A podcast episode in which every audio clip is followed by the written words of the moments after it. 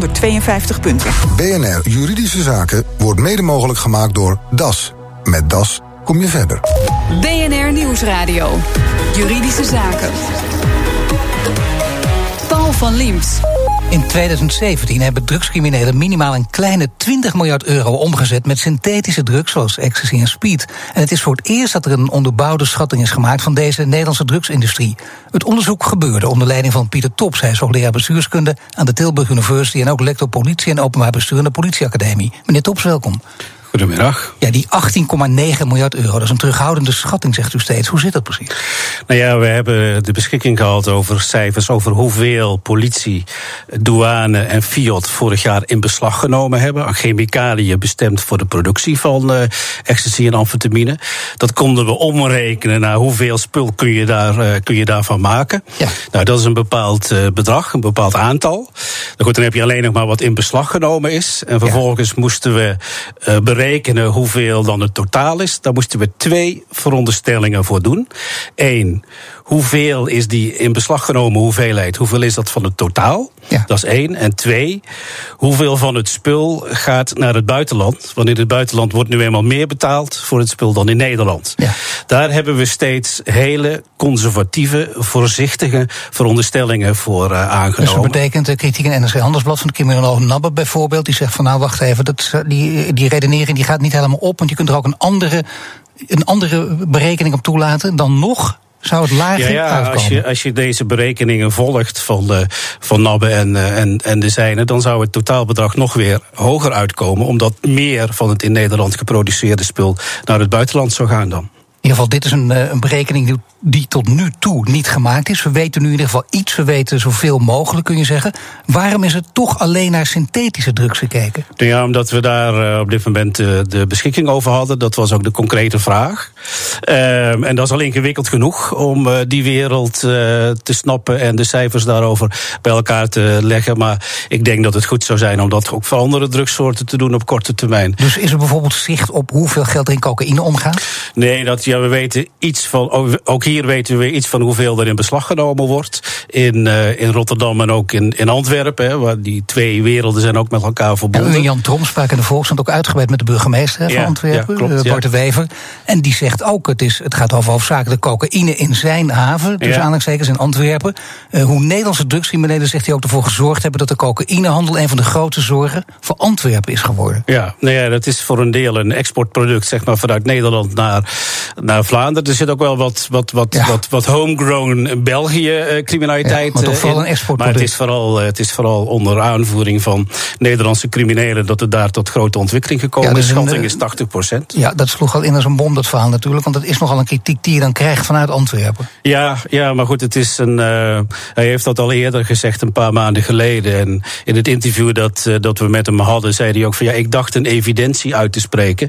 Maar kennelijk uh, heeft het toch nog wat veel stof doen opwaaien kun je Nederland nu? Want die discussie is bijna theoretisch, maar toch, uh, het is wel aardig om te weten. Politiebonden hebben er ook vaak over. Moet je Nederland nou wel of geen narco-staat noemen? Ja, nou ja, dat is een ingewikkelde kwestie. En als je het daarover hebt, dan wordt het al, gaat het al snel over de definitie van wat een narco-staat precies is. Ja. Daar zijn allerlei verschillende ja. specialisten. Ja, en allerlei goed, u bent de hooggeleerde hier aan tafel. Ja, dus, dus ik, ik, ik heb me uit die discussie, um, want dan wordt het een, een belangrijke mate een, een definitiekwestie. Daar heb ik me een beetje uit teruggetrokken. Waarom zou je er voorzichtig over zijn? Het zijn wel stevige termen natuurlijk. Ja, nee, dat, daarom. En dan gaat, het, dan gaat het niet meer over de zaak waar het over zou moeten gaan. Namelijk dat Nederland een samenleving is waar de drugsproductie een hele belangrijke rol in is gaan spelen. En, en daar moeten we het over hebben. Tot de top van de drugslanden behoort sowieso, ter wereld. Ja, dat is een uh, onaangename waarheid. Maar we hebben een, uh, een drugsproductie in Nederland van, uh, van cannabis, hennep en van synthetische drugs. Ja, die, die er mag zijn.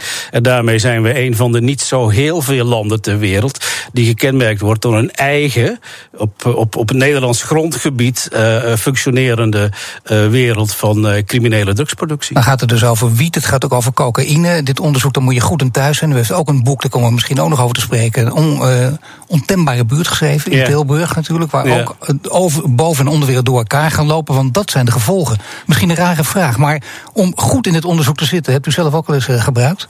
Nee, dat is ook. Nog eh, nooit? nee, dat is, ja, dat is bijna, bij, zelfs niet geïnhaleerd, zal ik maar zeggen. Nee, en, Dus zelfs dat niet, is- en zelfs niet gehandeld. Nee, dat is, dat is geheel tegen mijn gewoonte in. Want meestal wil ik tot een wereld behoren om het te kunnen snappen. Maar hier Daarom. trek ik toch voor mijzelf een Ja, grens. nou, dan moeten we er maar vanuit gaan dat het zo is. Hè. Ik kijk Ja. er even strak Ja, aan. Ja, ik heb geen is, idee, maar daar ga ik vanuit. ja. Ja. Maar de Wever vreest dus dat er drugs, eh, geld in drugs eh, omgaat. En zoveel dat criminelen invloed op de politiek kunnen hebben. Het gaat om zoveel geld. Onder en boven het gaat door elkaar. En niet alleen wordt het witgewassen in winkels, maar ook de politiek bemoeit zich ermee. Sterker nog, er zouden eh, criminelen in de politiek zitten. Ja, nou goed, daar ben ik zelf eh, met dat soort beweringen ben ik erg terughoudend. Er zijn ook in Nederland in ieder geval geen aanwijzingen voor. Van echt criminele infiltratie. Dat Maar criminele waarom in zou, deze burgemeester, dit- zitten. waarom zou die burgemeester dit zeggen dan? Dat weet ik niet. Dat, dat laat ik ook graag bij hem. Hè. Dat is een uitspraak die hij gedaan is het heeft. denkbaar? Ik geef toe dat het speculeren, maar is het denkbaar? En natuurlijk, niets is ondenkbaar in dit leven. Maar ik denk dat we ook weer wat voorzichtig moeten zijn. Waarom zouden criminelen in gemeenteraden gaan zitten? Hè, Dat is een hele intensieve tijdsbesteding. Om aan mogelijke wijze aan informatie te komen. die je op allerlei andere manieren ook kunt krijgen. Wat in nou ja, Nederland. wat zijn andere manieren dan waar, Nou. wanneer de onderwereld en de bovenwereld gaat infiltreren? Waar moet je dan terecht? Nou, wat, wat, wat, wat we zeker zien is dat eh, nogal wat raadsleden op een onbetamelijke of zelfs agressieve manier soms bejegend worden. Bedreigingen noemen we dat ook wel.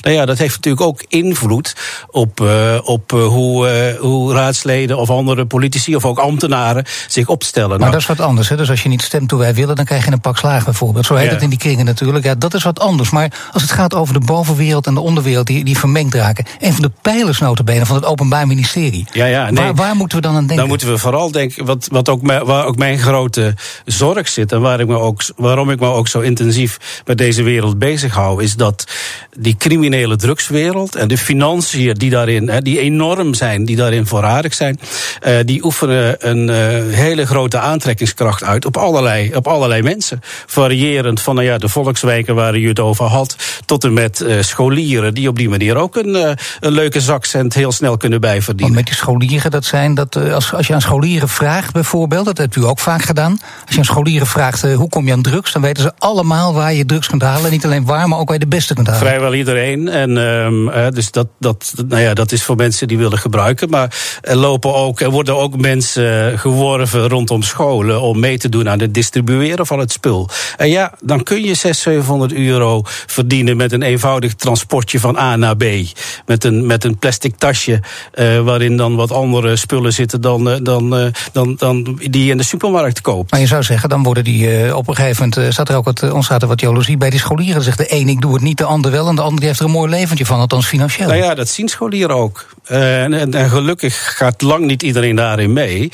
Maar ze zien ook hoe ineens een, een, een collega scholier eh, dure kleren eh, draagt. of een, eh, een kek scootertje heeft kunnen kopen. ehm, dat, dat hij voorheen niet had. Dus ja, mensen maar wil de ene scholier dan de andere scholier ook niet tussen aanhalingstekens verraden? Nou, dat snietsen is het ergste wat je kunt doen in dit soort werelden. Dus verraden. Dus dat, eh, dat, dat doe je eigenlijk niet. Is de dominante houding, merk ik. Ja, en, en andersom doe je het misschien heel lang niet. En dan op een gegeven moment toch wel. Want je bent ook ook op een leeftijd waar je, waarop je zeer beïnvloedbaar bent. Ja, ja, zeker. En eh, gelukkig heb ik ook eh, scholieren gesproken die in staat zijn geweest om er ook weer uit te stappen.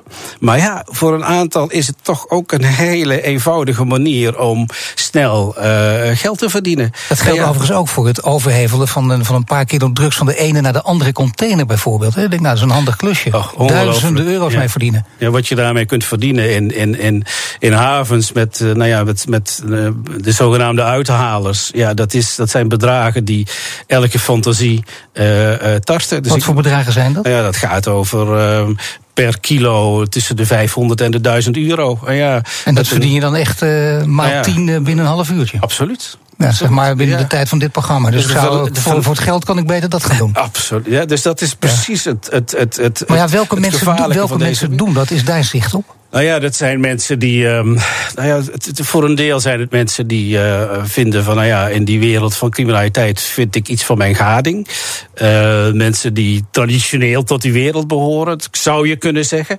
Maar wat, eh, wat ik zie is dat het ook steeds meer aantrekkingskracht heeft op mensen die eigenlijk helemaal niet uit zichzelf tot die criminele wereld behoren. Maar denken, neem bijvoorbeeld eh, boeren op het platteland. Ehm, die hebben het niet breed, de meeste. En dan heb je je, pensioen heb je in, je in je grond en je opstallen zitten. En die zijn ineens niets meer waard. En dan heb je nog wel een mooie schuur. En dan komt er een crimineel langs die zegt van nou, dan kan ik je wel, uh, wat is het, 40, 50.000 euro als je die schuur een half jaar ter beschikking stelt. Wat doe je dan? Het is makkelijk om vanuit deze plek te zeggen dat moet je niet doen. Maar is dit alleen speculatie? Of zegt u nou, ik, heb deze, ik kan het nooit bewijzen, maar ik, deze verhalen gaan nee, wel rond? Die gaan rond, maar die zijn ook, eh, die, dat, daar zijn ook bewijzen voor. Dit, dit gebeurt. En het geldt ook voor witwassen bijvoorbeeld in winkels? Nou ja, er zijn uh, zat voorbeelden van, van winkels of van sportscholen waar uh, betrekkelijk weinig klanten zijn.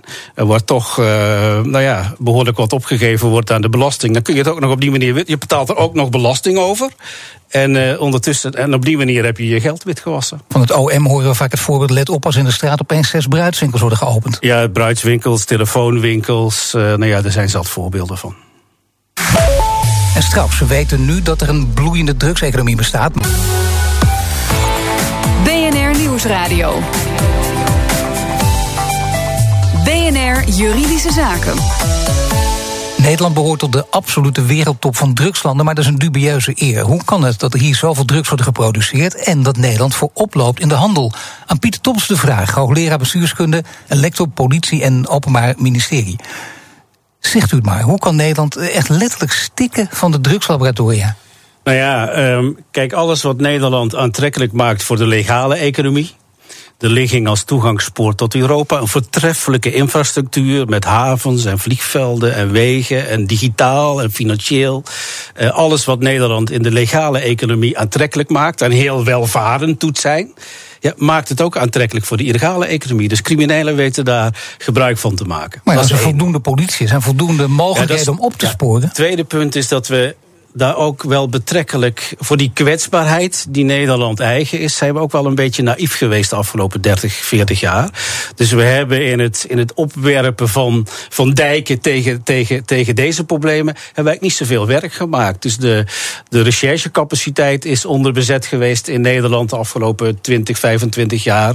Uh, van het Openbaar Ministerie, rechtbanken, dat zien we nu ook. Als er, als er dan eens uh, zaken worden aangebracht, ja, dan is het heel lastig om dat binnen korte termijn, op korte termijn tot een, tot een einde te brengen. Dus dat is twee. Um, waar we echt een paar uh, tanden zouden moeten bijzetten, wat mij betreft. Uh, drie is, ja, ik moet het toch zeggen, Nederland is ook een uh, tolerant land ten opzichte van het gebruik van drugs. En nou, dat u moet het toch zeggen, nou ja, goed, maar stel dat dat niet zo zou zijn, wat dan? Nou ja, kijk, dan zou in ieder geval het debat over um, wat kunnen we hier tegen doen, wat minder ideologisch beladen zijn. Ik merk het nu ook dat uh, elke uitlating die ik doe over uh, de omvang van deze wereld ja. leidt ogenblikkelijk tot reacties van mensen uit uh, nou ja, de wereld van, van, van, van nou ja, pro-drugs, zal ik maar zeggen. Van, ja, maar er is maar één oplossing voor dit vraagstuk, meneer ja, Toms. Ja, vrij legaliseren. En dat is legaliseren. En uh, nou ja, laat ik hier ook maar zeggen, uiteindelijk denk ik dat vormen van regulering onvermijdelijk zullen zijn. Maar op korte termijn legaliseren. Wat wil je dan gaan legaliseren? Hennep, ecstasy, amfetamine, cocaïne. Nee, maar wat is dan vormen van, vormen van regulering? Zonder dat we nou in dat ideologische nee, debat belanden. Ik, maar ik vind bijvoorbeeld wat ik nu zie in Uruguay, dat is een heel strikt toezicht ja. op uh, verstrekking van, van uh, cannabis aan individuele burgers. Daar zitten denk ik interessante elementen in. Maar goed, laten we niet vergeten dat dat in Nederland alleen maar kan in een internationale context. En dat zal ons dus op korte termijn zal dat geen soelaas bieden. Nou, Nederland is natuurlijk wel een handelsland. Uh, profiteert de legale economie op een of andere manier ook van deze drugseconomie? Jazeker. Uh, dus er wordt, uh, nou ja, elke economische sector, elke branche waar je nog met uh, behoorlijk wat um, cashgeld terecht kunt. Nou ja, die, die vaart er wel bij. Ik was laatst nog, ik heb zo'n kleine hobby in het, uh, als ik in een duur restaurant ga eten, kijk ik uh, nog wel eens hoe daar afgerekend wordt. En jawel, dan bedragen van 1500, 2000 euro met, met cashgeld zo uit het borstzakje gehaald. Ja het kan natuurlijk, maar toch maar dan is het niet zo dat u denkt, nou, ik weet hoe dit zit. Uh, ik zit hier heel gezellig. Maar ja, nu, ik ben toch altijd ook uh, werkzaam eigenlijk ja. in functie. Dus ik ga meteen optreden. Nee, nee dat, nee, dat niet. Maar u weet het wel bijna zeker dat hier Ja, wat aan de hand dat is. is- de kans je zou restauranthouders wordt het, wordt het ook vaak verweten. Ja? Van, nou, jullie ja. snappen dat toch wel, maar wat moeten ze dan Ja, doen? nou goed, ik heb, we hebben ook gesproken met een hoteleigenaar die een feestje kon organiseren voor 25 mensen. RSO van 30.000 euro. Zo'n hotel wat net op, het, eh, op, op de rand van omvallen staat.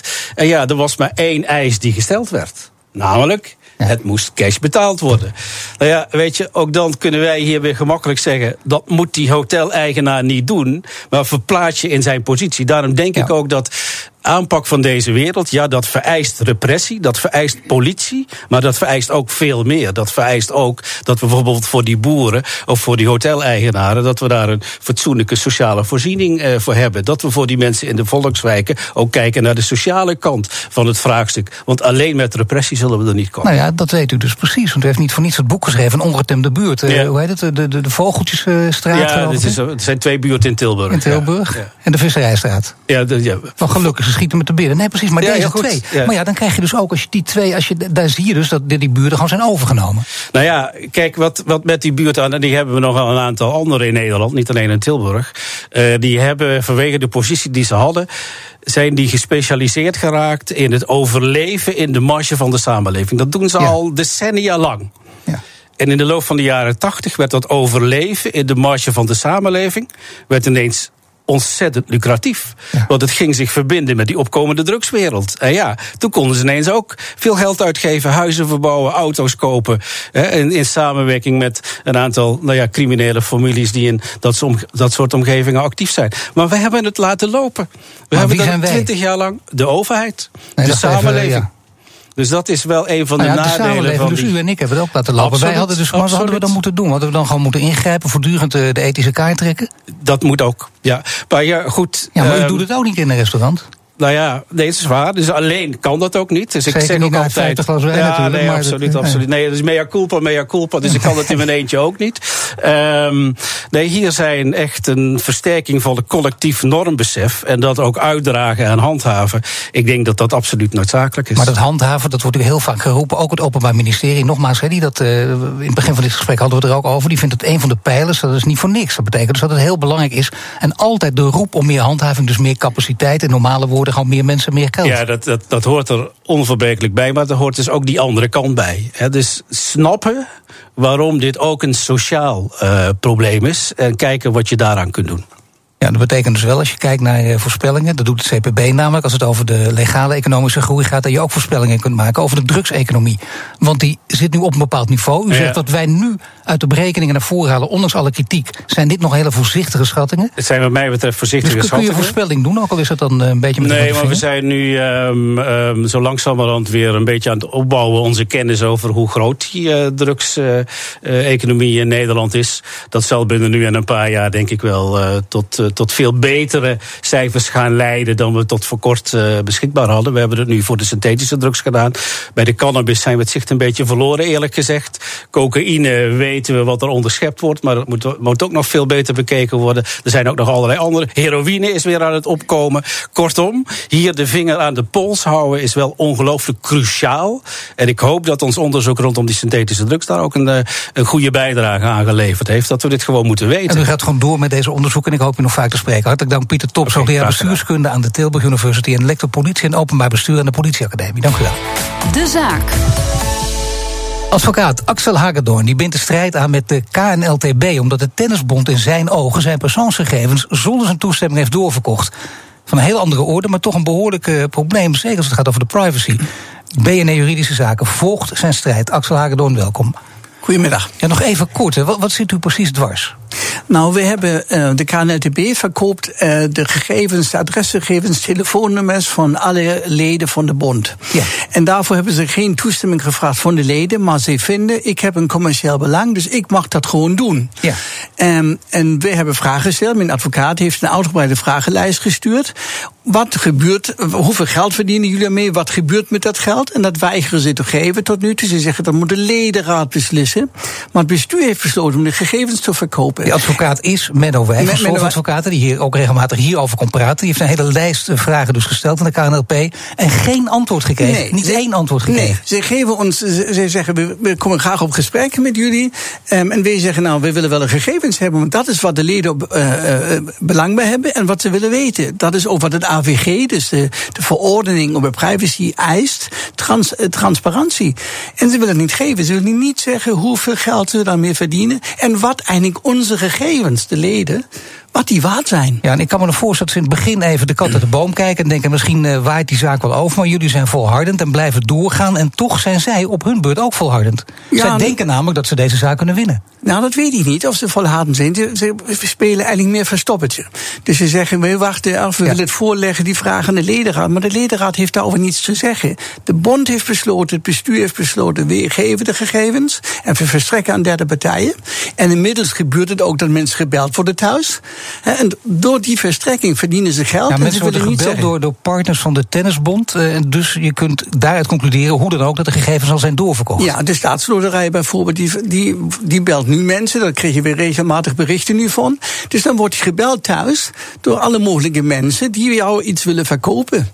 En dan wordt er ook gezegd, uh, uiteindelijk ook in dat gesprek, wel door de staatsloterij, van we hebben u, want we weten dat u, uw gegevens, want we weten dat u tennist. Nou, ja, dat zeggen ze niet. Zo, ze bellen gewoon en vragen dan, hoe gaat het met u vandaag? Heeft u een leuke dag? Ja, dat, maar daarom gaat het niet. Je wil niet gestoord worden thuis. Ja. Nou, ik hoorde zelfs van iemand die daar inderdaad uh, gebeld is, dat, dat die ook nog de vraag heeft voorgelegd. U bent, uh, dus ja, dan ben ik de enige, maar misschien komt er dus vaker voor, dat die vraag ook gesteld wordt. En u tennis ook. Ja, ja dat kan. Dat is, doen ze misschien, iedere verkoper doet het wel anders.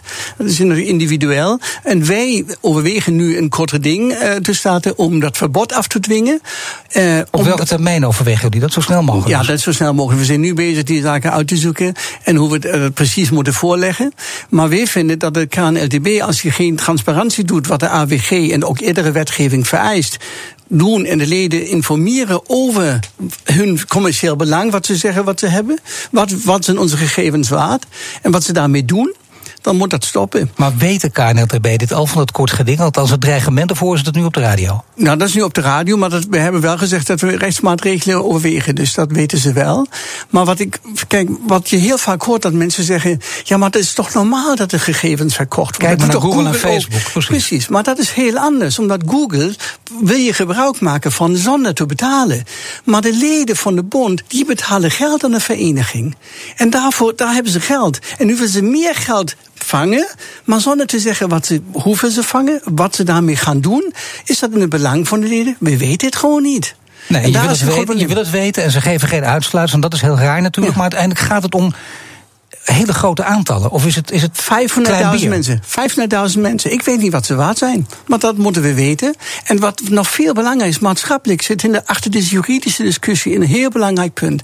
Als de KNLTB, dat is een nieuw land eigenlijk wat ze doen, dat doet de KNWB ook. Die twee doen het, andere bonden doen het niet.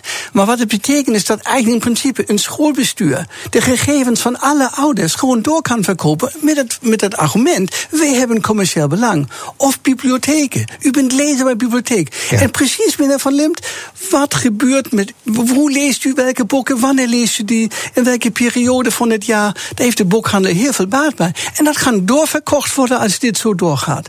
En dat wordt volgens mij van heel veel mensen nog niet beseft. Dat er een mega probleem zit. Ik dank u, Axel Hagedorn. Volgende maand dan horen we hoe het ervoor staat. Heeft u een juridische vraag? Mail hem naar juridischezaken.bnr.nl. En dit was de uitzending voor vandaag. U kunt de show terugluisteren via bnr.nl slash juridische zaken. Mijn naam is Paul van Diemt. Tot de volgende zitting. BNR Juridische Zaken wordt mede mogelijk gemaakt door DAS.